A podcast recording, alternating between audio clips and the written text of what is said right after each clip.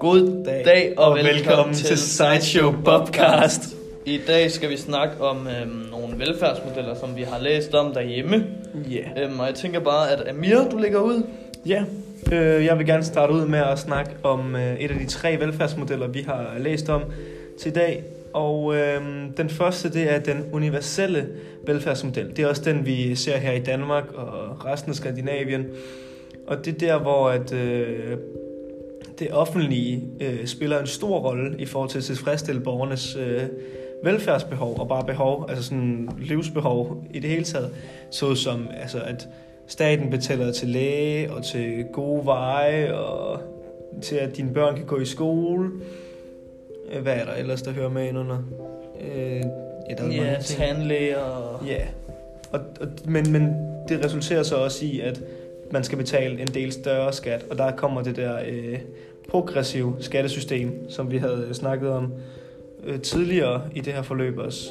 Eller det var sidste forløb med økonomi, men ja, nu kender vi i hvert fald begrebet progressiv øh, skattesystem, som jeg gerne vil benytte af øh, her nu. Ja, man ser det her i de skandinaviske øh, lande, og det var Socialdemokraternes øh, økonomiske politik, som øh, er baseret på keynesianismens forestilling om en aktiv stat, som samtidig fik et velfærdssigte. Øh, og det er så sådan, at det er kommet til Danmark. Det er igennem Socialdemokraterne også, tror jeg. Alt det her med, øh, med den lidt socialistiske, øh, eller meget socialistiske øh, velfærdsstat, vi har her i Danmark. Øh, vil du så nævne din først? Ja, så kan vi snakke om en anden model, der hedder den selektive model.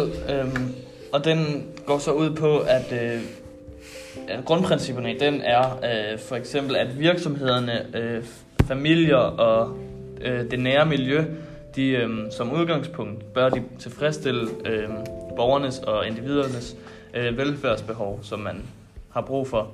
Øh, modellen udspringer blandt øh, andet af, fra et konservativt ideal om at sikre øh, tryghed gennem, gennem de nære fællesskaber, såsom familien og øh, ved hjælp af foreninger og kirken, som øh, borgerne, borgerne er en del af.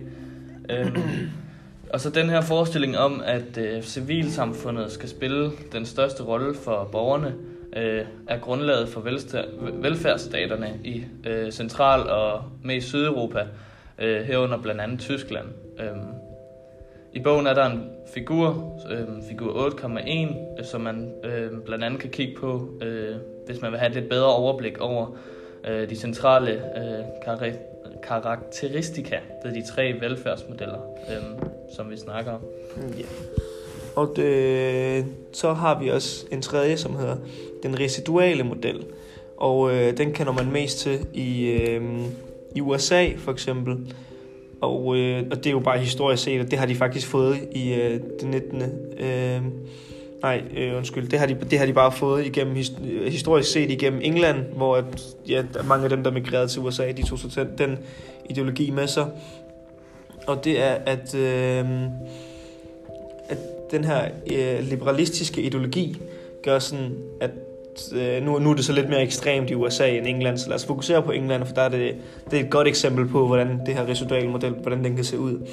Og øh, der har man den her usynlige hånd, som vi også har arbejdet med før, hvor man øh, så mener, at efterspørgsel og ud, eller udbud og efterspørgsel, det balancerer lidt sig selv, og øh, på den måde så, så ja, så, så bliver markedet lige, og der skabes ikke inflation på grund af, at man har det her frie marked, hvor folk kan sælge, hvad de vil. Altså, selvfølgelig er der nogle regler for det, og der er nogle love, så det ikke bliver alt for øh, krimi og anarkistisk. Men ja, der er, lidt, der er kontrol, og det, det er kontrolleret frit salg, hvis man kan sige det på den måde. Og øh, det klarer de så også vel fint med. Et af de rigeste lande i, i verden, USA, øh, som har det her øh, residual, den residuale model, de kører med. Ja, vi kan prøve, nu har vi så fokuseret på de tre velfærdsmodeller. Vi kan øh, også lige kigge på den figur 8,1, øh, som vi snakkede om, måske lige beskrive den. Ja. Det er en tabel, hvor der øverst står den universelle model, den residuale model og den selektive model. Altså de tre modeller, vi lige har forklaret over for jer. og til venstre. Så har vi en, øh, en boks, der hedder rettigheder, hvor, det, hvor øhm, den så beskriver de forskellige rettigheder inden for de forskellige modeller. Øh, Og der kan vi lige sige, at der, der under den residuale og den selektive model, der har de copy-pastet, der er det præcis det samme, der står i begge to bokse. Der er det kun den universelle, der skiller sig ud. så har vi nogle tildelingskriterier til de tre forskellige modeller også. Øhm, nogle, øh, noget velfærdsydelsens niveau. Øh, altså hvilket niveau de yder på. Øh, og så har vi den si- anden, anden sidste, der er supplerende velfærdsydelser. Øhm, og til sidst øhm, den primære finansiering, såsom skatter og så videre.